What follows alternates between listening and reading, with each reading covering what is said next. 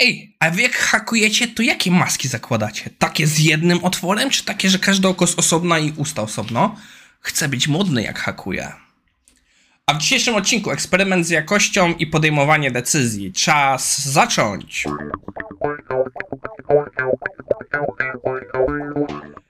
A więc tak, dzisiaj jest 28 lipca 2022 i nagrywam ten odcinek po raz czwarty, bo w pierwsze schrzaniłem, później okazało się, że po zmianach w dźwięku, y, konfiguracjach, bo z nią były znowu problemy, e, okazało się, że zapomniałem sprawdzić, czy na pewno OBS wszystko złapał. Więc jak widzicie, jestem trochę dzisiaj e, sarkastyczny.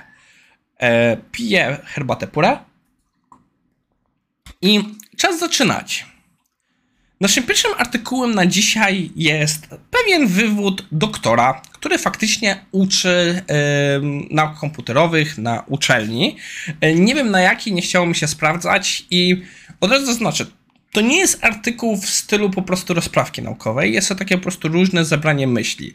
Autor yy, przeprowadził ciekawy eksperyment, a mianowicie, no, widzi, jaki jest kod na uczelni. Widzi, że studenci tak naprawdę piszą bardzo często kod po to, żeby zaliczyć, czyli taki kod, który nie jest nigdy utrzymywany, nie jest nigdy e, kontynuowany jego rozwój.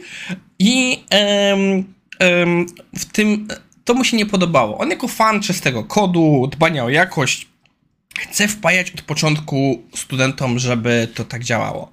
Więc postanowił skorzystać z Sonar Clouda, e, Sonar Cube'a, żeby właśnie wymusić trochę wyższy standard kodu. Po pierwsze, wprowadził 100% kod coverage, bo chce ich uczyć pisać testów.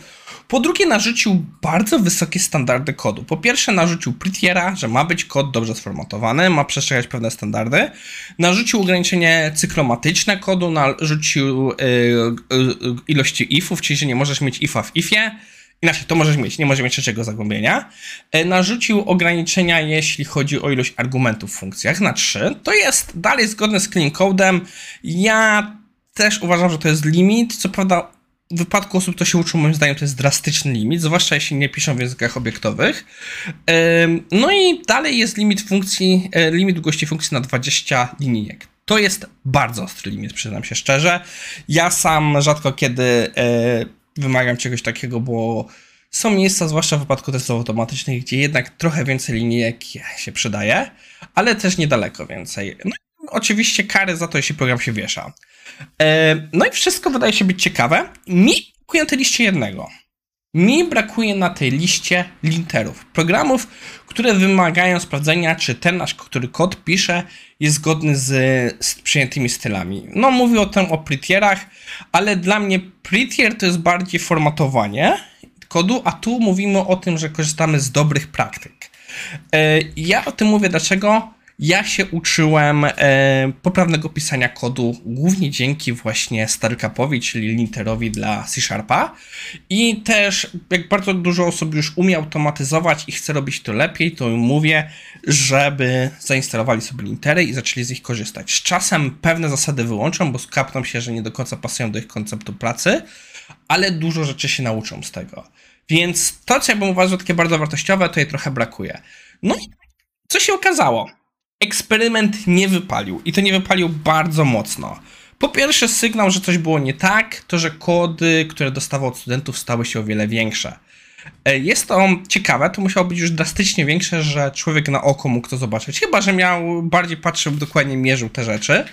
I co się stało, to po prostu zamiast wprowadzić jakieś zasady, że logika reużywalna, takie prawdziwe podjęcia decyzji architektoniczne, ten kod y, został tak naprawdę arbitralnie podzielony. W pewnym sensie ja wyobrażam sobie, że to było tak. Mamy funkcję, co ma 100 linijek, no to tak naprawdę pierwsze 20 linijek robimy w jednej funkcji, drugie 20 linijek w drugiej funkcji, trzeciej, czwartej i piątej, i później mamy w jednej klasie wszystkie te wywołania. W pewnym sensie mamy fasadę, tylko taką bardzo fałszywą, nieprawdziwą, bo podejrzewam, że jest 100 nazmiennych, które są wykorzystywane do po prostu przekazywania tych rzeczy między e, funkcjami. E, no więc to podejrzewam tak wyglądało. Dlaczego tak myślę? Bo podejrzewam, że ja jak byłbym na studiach, tak bym to zrobił. No i Także to, co było, okazało się, że, że tak naprawdę bardzo ostro go sfrustrowało. Oczywiście była duża poprawa na zasadzie takiej, że kod działał. Rzadko kiedy się wieszał i tak naprawdę yy, wiele studentów którym zależało na lepszej ocenie, wzięli sobie to do serca. Na przykład wiedzieli, że on będzie też sprawdzał ten ich kod fizycznie, że będzie na niego patrzył, będzie patrzył jak wygląda i tak dalej. I ci, no, mieli trochę lepsze efekty, i tak samo osoby, którym się po prostu przedmiot podobał, czy takie było zmotywowanie do dbania o czysty kod. Więc to się sprawdziło w tym wypadku. Następnie autor stawia tezę, w sumie wniosek bardziej, że narzędzia wymuszania jakości kodu tak naprawdę działa bardzo szkodliwie. I ja się z nim potrafię zgodzić. Z mojej perspektywy, jeśli idą za tym zmiany kulturowe, czyli kulturowo um, nie idą nam zmiany związane właśnie z e, oczekiwaniami e, od tego, jak ten kod powinien wyglądać, i my tylko patrzymy na to zero-jedynkowo, no to to nie działa. To nie będzie działało. Też tutaj e, chwilę gadałem z moją dziewczyną, co jest doktorem na Politechnice, i ona tak jak przekładała to na swoje rzeczy, to stwierdziła, że w sumie jeśli taka praca nie była regularna, że on regularnie mógł na to patrzeć, i tak jak patrzy, pracujemy w Agile'u, że co tydzień sprawdzamy wyniki, tylko na przykład to jest większy projekt, gdzie on widzi go po raz pierwszy na koniec, no to faktycznie to się nie sprawdzi. Ok, rozgadałem się na tym artykule, idziemy dalej. E, no, następną dyskusję mamy e, materiał znowu związany trochę z decyzyjnością, czyli piltowaniem, e, sprawnością w pracy.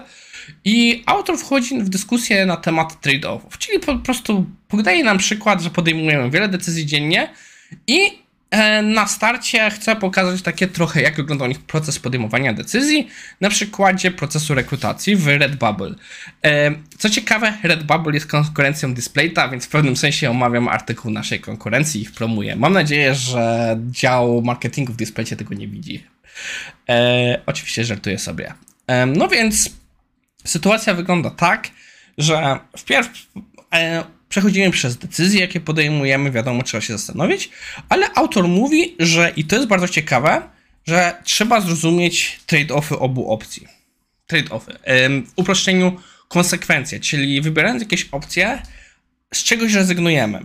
Nie ma idealnego rozwiązania, każdy ma swoje słabsze strony i trzeba być świadom tych rzeczy, żeby być o nich głośno mówić. Że na przykład rozwiązanie A daje nam takie i takie bonusy, ale ma takie i takie wady. E, z tego rezygnujemy. I autor o tym mówi z perspektywy transparencji w firmie. Jeśli chcemy dostać buy-in, czyli po prostu chcemy, żeby ludzie kupili nasze rozwiązanie, musimy jasno komunikować. A komunikowanie to nie wystarczy, że wybraliśmy tą opcję. Trzeba powiedzieć: hej, taki był problem, takie mieliśmy opcje na tapecie, ta miała takie zalety i takie wady, inne opcje miały takie wady i one nie spełniają naszych oczekiwań od rozwiązania. I moim zdaniem to jest super kwestia, jeśli chodzi o właśnie komunikowanie, takie jasne komunikowanie, żeby zrozumieć ludzi. Oczywiście e, może to powodować, że zespoły będą się mówić, a czemu nie pomyśli się o takiej opcji, takiej opcji, takiej opcji, ale myślę, że to jest jakiś pierwszy krok do budowania zaufania. Podsumowując, dzisiaj większość czasu porozmawialiśmy sobie o eksperymencie z maszynowym sprawdzaniem, wymuszeniem jakości kodu, a później porozmawialiśmy sobie o trade-offach różnych rozwiązań i jak to wszystko komunikować. To wszystko nadzieję, mam nadzieję, Wam się podobało. Ja dzisiaj wieczorem prowadzę warsztat wraz z PGS-em na temat kultury jakości. E, coś, o co dzisiaj trochę zahaczyliśmy, więc jeśli są jeszcze wolne miejsca, piszcie do PGS-u. No i widzimy się w Wrocławiu. Do usłyszenia.